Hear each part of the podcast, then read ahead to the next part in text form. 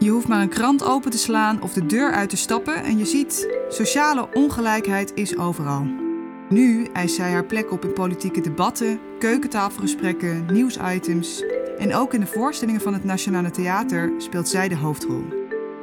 Mijn naam is Laura van Zuilen en dit theaterseizoen maak ik de serie Ik een beetje meer dan jij. In vier afleveringen, gelinkt aan onze voorstellingen, onderzoek ik hoe je woorden geeft aan sociale ongelijkheid. Letterlijk in de eerste aflevering. In die jaren maakt de Franse schrijver Annie Ernaux klasseongelijkheid voelbaar. Dus de tijd herhaalt zich alsof we het wiel continu opnieuw uitvinden. Ze noemen dat les transfuges de classe. In de aflevering over het Shakespeare-stuk Coriolanus gaat het over geweld.